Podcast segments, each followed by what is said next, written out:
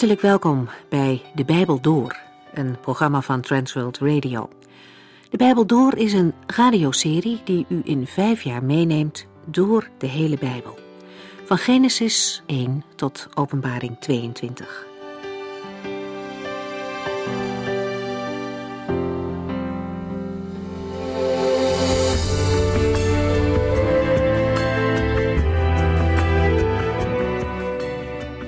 De vorige uitzending stond Filippus centraal. Hij kreeg van de Heer een opdracht om naar een afgelegen weg te gaan. De enige reactie die we dan van hem lezen is dat hij opstaat en gaat. Punt. Hij heeft geen mitsen en geen maren, hoewel hij geen idee heeft wat hem te wachten staat. Maar hij gaat, omdat hij weet dat het een opdracht van de Heer is. Hij kan ervan op aan dat de Heer op tijd de volgende stap wel bekend zal maken. En dat gebeurt ook. Als er een belangrijk gezelschap nadert, zegt de Heilige Geest dat Filippus daar naartoe moet gaan en daar in de buurt moet blijven. Verder niets. Filippus is op het goede spoor gezet en nu moet hij zelf verder. Hij vraagt of de man op de wagen begrijpt wat hij aan het lezen is. En die belangstellende vraag leidt van het een tot het ander en uiteindelijk wordt de man ook gedoopt door Filippus. De dag begon voor Filippus met gehoorzaamheid aan een ongewone opdracht. Maar wat had hij na afloop iets moois meegemaakt. Filippus dringt de man niet meteen zijn eigen verhaal op. Hij antwoordt op de vragen die de ander heeft. De man in de wagen was, wat in onze tijd de minister van Financiën is. Hij kwam uit Ethiopië. Handelingen 9 verplaatst dan de lezer naar Saulus, hij verzint steeds nieuwe methoden om de christenen uit te roeien. In dit hoofdstuk wil hij naar Damascus, een stad waar in de tijd veel synagogen waren.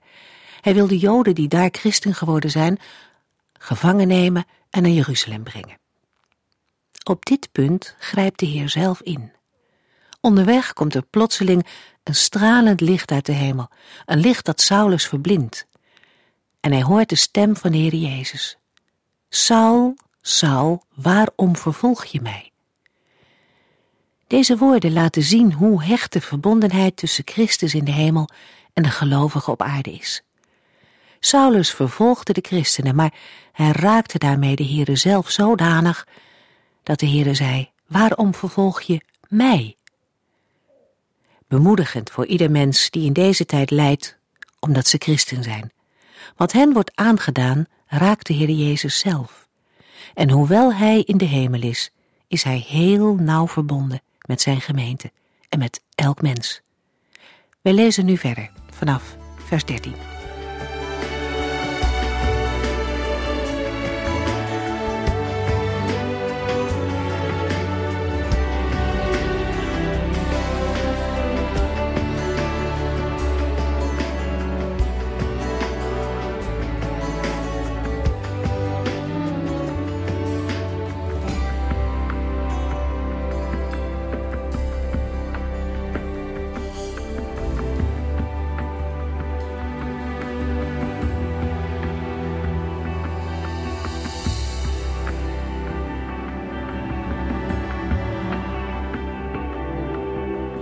In de vorige uitzending waren we getuigen van de bekering van Saulus op de weg naar Damascus. De mannen die erbij waren, hadden hem naar de stad gebracht, omdat Paulus niets meer kon zien na de ontmoeting met de Heer Jezus. Drie dagen lang kon hij niet zien en al die tijd at en dronk hij niets. Onderhand had de Heer Ananias, een volgeling van Jezus uit Damascus, geroepen om naar Saulus toe te gaan en hem de handen op te leggen. Handelingen 9, vers 13 tot en met 16. Ananias maakte bezwaren, maar heren, zei hij, ik heb zoveel slechte dingen over die man gehoord. Hij heeft u mensen in Jeruzalem veel kwaad gedaan. Hij heeft van de leidende priesters zelfs toestemming gekregen om iedereen die uw naam aanroept hier in de boeien te slaan. Maar de Heere zei tegen hem: toch moet u gaan, Ananias. Ik heb besloten die man te gebruiken. Ik heb hem uitgekozen om mij bekend te maken aan andere volken en hun koningen en ook aan het volk van Israël. Ik zal hem duidelijk maken hoeveel leed hij voor mij moet doorstaan. Ananias schrikt zo van het horen van de naam Saulus van Tarsus dat hij in eerste instantie protesteert tegen de opdracht van de Heer. Het is veel te gevaarlijk om deze Saulus te ontmoeten. Hij heeft toestemming van de hoge priester uit Jeruzalem om iedere gelovige gevangen te nemen. Verder kan de Heer toch onmogelijk bedoelen dat aan deze aardsvijand van het geloof genezing moet worden verschaft. Uit het feit dat Ananias spreekt over uw mensen in Jeruzalem, is op te maken dat Ananias zelf niet uit Jeruzalem komt. Anderzijds heeft Ananias veel slechte dingen over Saulus gehoord. Mogelijk hebben veel vluchtelingen uit Jeruzalem de stad Damascus bezocht of zijn er blijven wonen. Deze vluchtelingen hebben zeker het evangelie onder de Joden in Damascus verbreid. Ondanks zijn bezwaren moet Ananias toch gaan. Waarom? Omdat de Heere heeft besloten Saulus te gebruiken. Allereerst om de naam van de Heer Jezus bekend te maken. Dat is op zich al bijzonder, omdat Saulus tot de dag van zijn bekering niets van en over Jezus wist. Hij moet de naam van Jezus bekendmaken bij drie verschillende groepen: andere volken, hun koningen en het volk Israël. De tweede reden voor de roeping van Saulus is dat de Heer hem zal duidelijk maken hoeveel leed hij voor hem moet doorstaan. In 2 Korintiërs 11 noemt de apostel het lichamelijk lijden dat hem voor Christus is overkomen. De verkiezing van Saulus is hier, net als in Galaten 1, in de eerste plaats gericht op zijn bediening. Saulus is in de eerste plaats apostel voor de heidenen. Ook al verkondigde hij het evangelie in iedere plaats waar hij kwam, eerst in de synagogen. De Joden namen zijn getuigenis in de regel niet aan. Dan ging hij naar de heidenen en onder hen droeg zijn prediking de meeste vrucht. Lijden is onlosmakelijk verbonden met het dienen van de Here. 2 Timotheus 3 vers 12. Voor Saulus zou dit lijden al na een paar dagen concrete vormen aannemen, toen hij moest vluchten voor een moordaanslag van de Joden. Vers 23. Het lijden van Saulus zal zijn om het geloof in en de verkondiging van de naam van de Heer Jezus. Handelingen 9, vers 17. Ananias deed wat de Heer hem had opgedragen en begaf zich naar het huis waar Saulus was. Hij legde zijn handen op hem en zei: Saul, broeder, ik ben gestuurd door Jezus, die u onderweg hebt ontmoet. U zult weer kunnen zien en vol worden van de Heilige Geest. Zonder verder tegenspreken gaat Ananias op weg. Hij vindt Saulus en legt hem zonder aarzeling de hand op. Daarmee vervult hij het gezicht dat Saulus eerder op de dag tijdens zijn gebed heeft ontvangen. Vers 12. Omdat de Heere tot hem heeft gesproken, weet Ananias dat Saulus tot bekering is gekomen door de ontmoeting met de Heer Jezus op de weg naar Damascus. Daarom is ook geen voorafgaande prediking nodig. De woorden van Ananias zijn ontroerend. Er is geen spoor van aarzeling of reserve wanneer Ananias Saulus aanspreekt met zijn Hebreeuwse naam, Saulus, en met broeder. Daarmee erkent Ananias hem als een broeder in de Here en een medegelovige. Ananias heeft Saulus de vervolging van de gelovigen in Jeruzalem vergeven. De handoplegging van Ananias heeft een dubbel doel. Ze dient om Saulus te genezen van zijn blindheid, maar gelijk ook opdat hij met de Heilige Geest zou worden vervuld. Wat we hierin ook zien is dat deze handoplegging niet alleen is voorbehouden aan de apostelen. Het resultaat van de vervulling met de Heilige Geest blijkt al in de versen 20 tot en met 22. Handelingen 9, vers 18. Het was net of er een vlies van Saulus ogen viel. Ineens kon hij weer zien. In Handelingen 22 spreekt Paulus zelf over wat er gebeurde toen Ananias hem de handen oplegde. Het was geen lang gebed, maar alleen: Sal, broeder, kijk eens omhoog. Op dat moment kon hij weer zien. Lucas beschrijft als arts hoe het gebeurde. Het was net of er een vlies van Saulus ogen viel. Na een korte aansporing van Ananias laat Saulus zich dopen op gezag van de naam van Jezus. In het geval van Saulus ging de vervulling met de Heilige Geest aan de doop met water vooraf. Zelf beschrijft Paulus dit heerlijke gebeuren in Titus 3, vers 5 en 6, waar hij zijn eigen ervaring insluit bij die van andere gelovigen. Handelingen 9, vers 19 en 20. Daarna liet hij zich dopen en ging wat eten om op krachten te komen. Saulus bleef een paar dagen bij de volgelingen van Jezus in Damaskus. Hij ging zelfs naar de verschillende synagogen en vertelde daar openlijk dat Jezus Gods zoon is. De volgende dagen verblijft Saulus bij de volgelingen van Jezus in Damaskus, om van hen alles te horen over de Heer Jezus en het geloof. Saulus zal in deze dagen veel over Jezus hebben geleerd. Door het verhoren van gearresteerde gelovigen in Jeruzalem was hij al aardig op de hoogte van het geloof in de Heer Jezus, maar nu werd het hem steeds duidelijker. Saulus van Tarsus begint onmiddellijk te getuigen. Waarom? Omdat hij vol is van de Heilige Geest. Hij gaat naar verschillende synagogen en vertelt er openlijk dat Jezus de Zoon van God is. Handelingen 9, vers 21 en 22. Allen die hem hoorden waren hoogst verbaasd. Dit is toch de man die in Jeruzalem de aanhangers van Jezus heeft uitgeroeid? Hij kwam hier toch om mensen van dat geloof gevangen te nemen en naar de leidende priesters in Jeruzalem te brengen? Maar Saulus sprak met steeds meer overtuiging en bracht de Joden in Damaskus in verwarring door aan te tonen dat Jezus de Christus is. De vervulling met de Heilige Geest had bij Saulus hetzelfde gevolg als bij de apostelen. Hij ging vrijmoedig het evangelie verkondigen. Vanwege het grote aantal Joden in Damaskus, enige tienduizenden, beschikte de stad over verscheidene synagogen. Daar kreeg Saulus de gelegenheid te prediken. Hij was immers een door de beroemde Gamaliel opgeleide rabbi.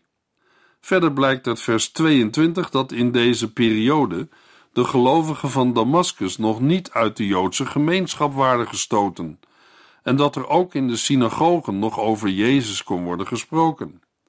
De inhoud van zijn verkondiging aan de Joden was: Jezus is de Christus, de Zoon van God. De woorden zijn ontleend aan messiaanse profetieën uit het Oude Testament, Psalm 2 en Psalm 89. Daarom was de gedachte dat de Messias, de Christus, Zoon van God genoemd wordt, de Joden niet vreemd. Denk aan wat de hoge priester in Marcus 14, vers 61 aan de Heer Jezus vraagt: Bent u de Christus, de Zoon van God? Nieuw voor de Joden is dat Jezus, de gekruisigde, de Messias, de Zoon van God is. De prediking van Saulus brengt de Joden in Damaskus in verwarring. Zij konden zijn bewijs niet weerleggen. Handelingen 9, vers 23 tot en met 25. Enkele dagen later besloten de Joodse leiders hem te doden. Dag en nacht bewaakten zij de poorten van de stad om hem te vermoorden. Maar Saulus hoorde van hun plannen. Toen het donker was, lieten zijn leerlingen hem vanaf de stadsmuur in een mand naar beneden zakken. Lucas laat in handelingen een voor hem minder belangrijke periode uit het leven van Saulus buiten beschouwing. Tussen Saulus' bekering en zijn vlucht uit Damascus naar Jeruzalem ligt een periode van maar liefst drie jaar. De apostel vertelt dat zelf in Gelaten 1 vers 15 tot en met 20. Hij schrijft er over zijn eigen bekering en wat daarna plaatsvond. Maar toen vond God dat de tijd gekomen was dat zijn zoon in mij kwam wonen. Al voor mijn geboorte had hij dat in zijn genadige goedheid besloten. Hij wilde dat ik het goede nieuws van zijn zoon bij de andere volken bekend zou maken. Ik ben er niet onmiddellijk met iemand anders over gaan praten, zelfs niet in Jeruzalem met hen die voor mij apostel waren. Nee, ik vertrok naar Arabië en keerde daarna naar Damaskus terug. Pas drie jaar later ging ik naar Jeruzalem om met Petrus kennis te maken. En ik logeerde twee weken bij hem. De enige apostel die ik toen ontmoet heb was Jacobus, de broer van onze Here. Denk niet dat ik lieg. God weet dat ik de waarheid spreek. Als we de gegevens van handelingen en gelaten met elkaar combineren, dan ontdekken we het volgende. In de beginperiode na zijn bekering reisde Saulus naar Arabië, een aanduiding voor de woestijnachtige gebieden ten oosten en zuiden van Israël. Deze gebieden werden geregeerd door het Arabische vorstenhuis van de Nabateën. Waarschijnlijk wilde Saulus er Gods leiding zoeken voor zijn verdere leven en het Oude Testament bestuderen vanuit het nieuwe gezichtspunt van de vervulling in Jezus Christus. Het is niet onmogelijk dat hij in deze periode ook het evangelie in het rijk van de Nabateën heeft verkondigd. Daarna keerde hij naar Damascus terug en predikte daar het evangelie onder de Joodse bevolking totdat zijn leven werd bedreigd. Het was de eerste keer dat de Joden probeerden hem te vermoorden. Omdat de gelovigen ook Joden waren, kon de samenzwering gemakkelijk uitlekken. Saulus' situatie werd erg bemoeilijkt, omdat de Joden dag en nacht de stadspoorten in de gaten hielden, zodat hij niet kon ontsnappen. In 2 Korintiërs 11 vers 32 vermeldt Paulus bovendien: Toen ik in Damascus was, liet de stadhouder van koning Aretas de stad bewaken om mij gevangen te kunnen nemen. Maar mijn vrienden lieten mij in een mand door een gat in de stadsmuur zakken, zodat ik kon ontsnappen. Voor zover bekend behoorde in die tijd Damascus niet tot het Nabathese Rijk, waarover koning Aretas regeerde. Vermoedelijk had Saulus zich door zijn verkondiging van het evangelie onder de Joden in Nabathea, Arabië, al de woede van deze koning of zijn stadhouder op de hals gehaald. Omdat de stadhouder binnen de stad geen rechtsbevoegdheid had, liet hij de stad bewaken. Handelingen 9, vers 26. Toen Saulus in Jeruzalem aankwam, probeerde hij zich bij de andere leerlingen van Jezus aan te sluiten. Maar die waren allemaal bang voor hem, omdat zij niet konden geloven dat hij ook een leerling van Jezus was geworden. Wanneer Saulus na zijn vlucht uit Damascus in Jeruzalem aankomt, zijn er sinds zijn bekering drie jaar verlopen. Ondertussen is er in Jeruzalem weer een gemeente ontstaan. Vele gelovigen, die destijds voor de door Saulus georganiseerde vervolgingen zijn gevlucht, zijn teruggekeerd. Maar zij dragen de pijnlijke herinnering aan die tijd nog altijd bij zich. Sommigen zijn nog in opdracht van Saulus gefolterd.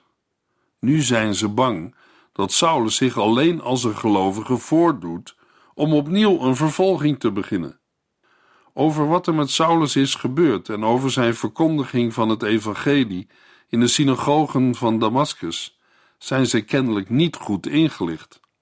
Of ze kunnen het gewoon niet geloven. Handelingen 9, vers 27. Maar Barnabas nam het voor hem op en bracht hem bij de apostelen.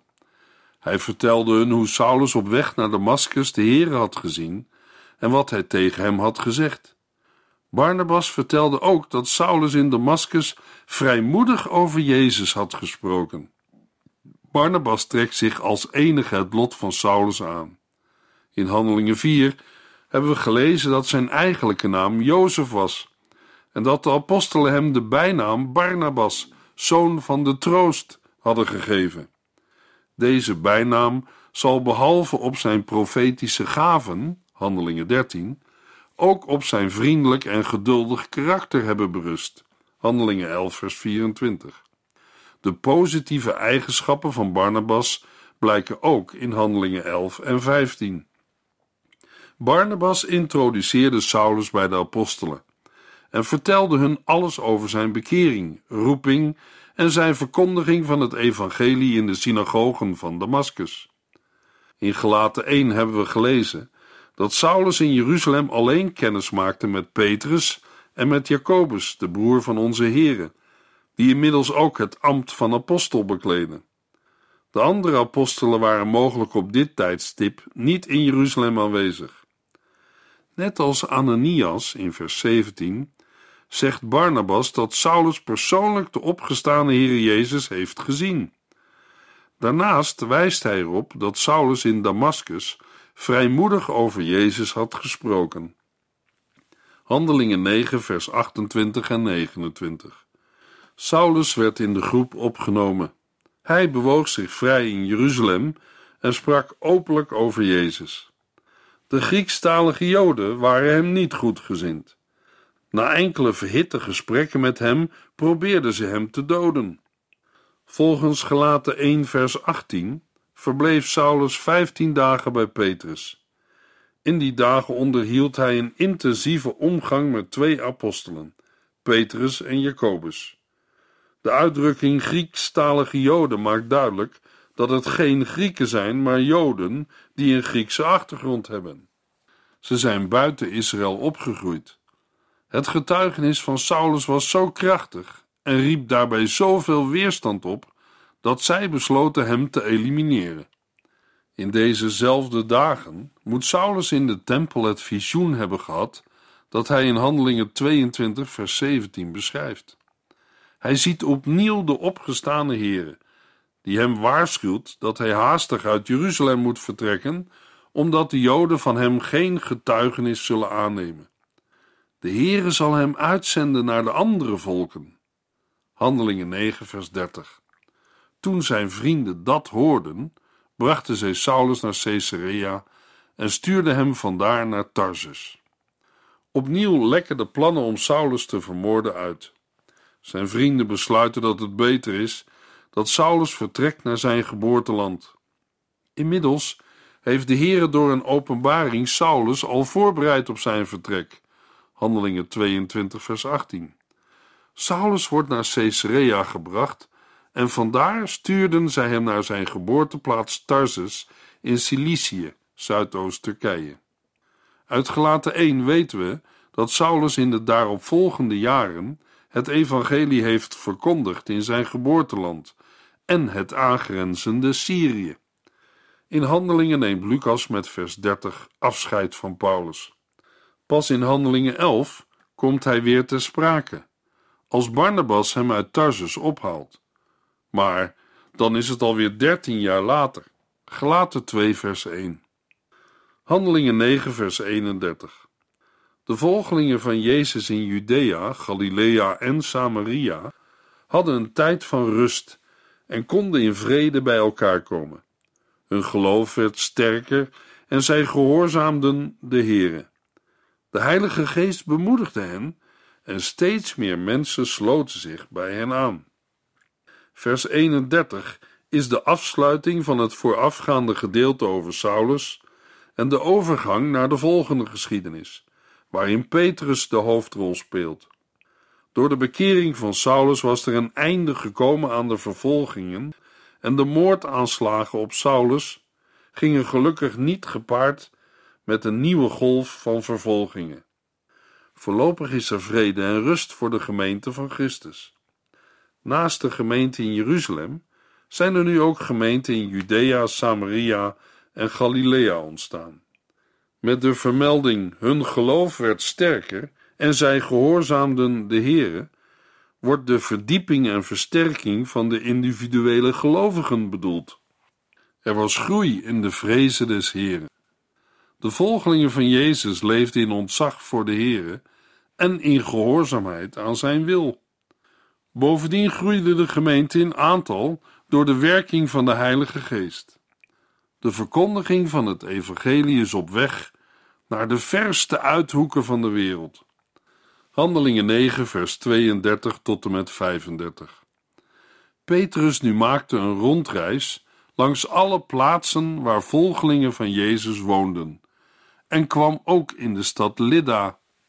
Daar trof hij Eneas aan, een verlamde man die al acht jaar op bed had gelegen. Petrus zei tegen hem: Jezus Christus geneest u, Eneas. Kom uit uw bed en maak het zelf op. De man stond onmiddellijk op.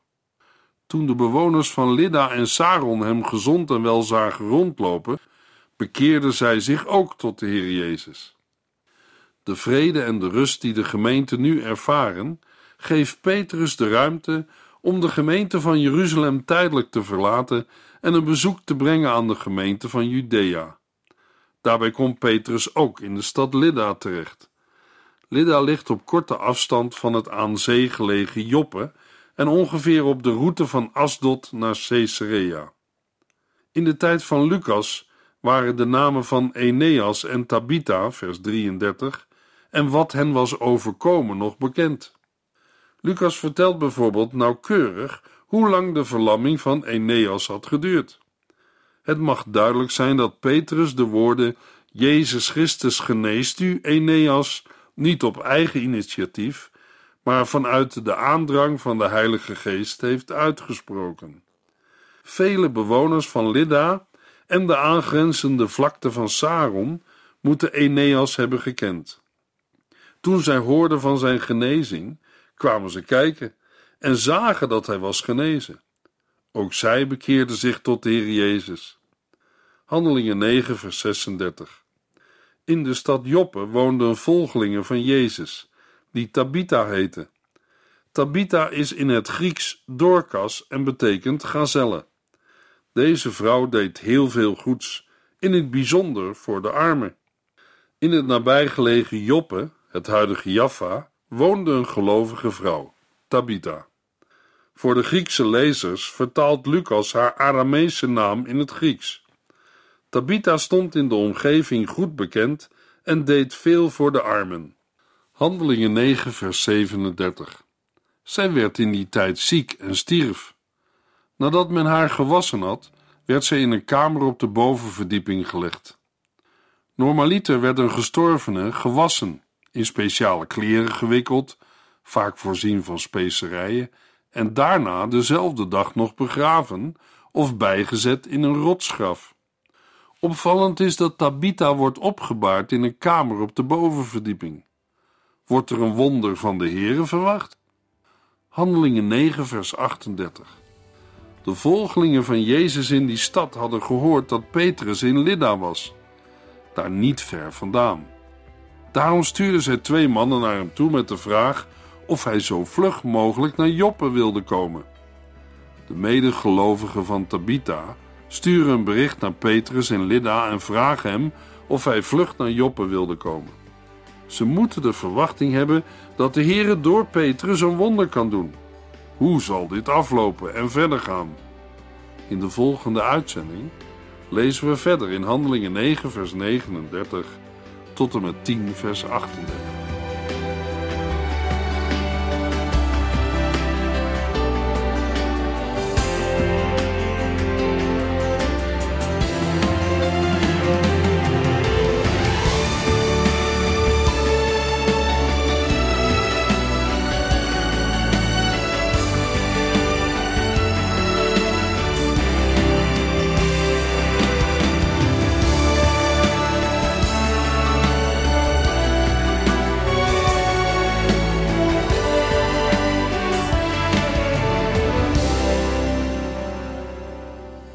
Geluisterd naar De Bijbel Door.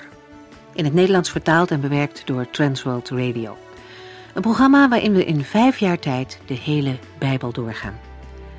Als u wilt reageren op deze uitzending of u heeft vragen, dan kunt u contact met ons opnemen. Tijdens kantooruren kunt u bellen op 0342 47 8432. 0342 47 8432. 32. Ook kunt u een e-mail sturen naar de Bijbel door transworldradio.nl en natuurlijk kunt u ook via de post ons bereiken. TWR, postbus 371, postcode 3770, AJ in Barneveld. Dit programma werd gepresenteerd door Cor Weda en Ike André. Techniek was in handen van Odin van Woerdekom. En wij allemaal bedanken u voor het luisteren. Graag tot de volgende keer.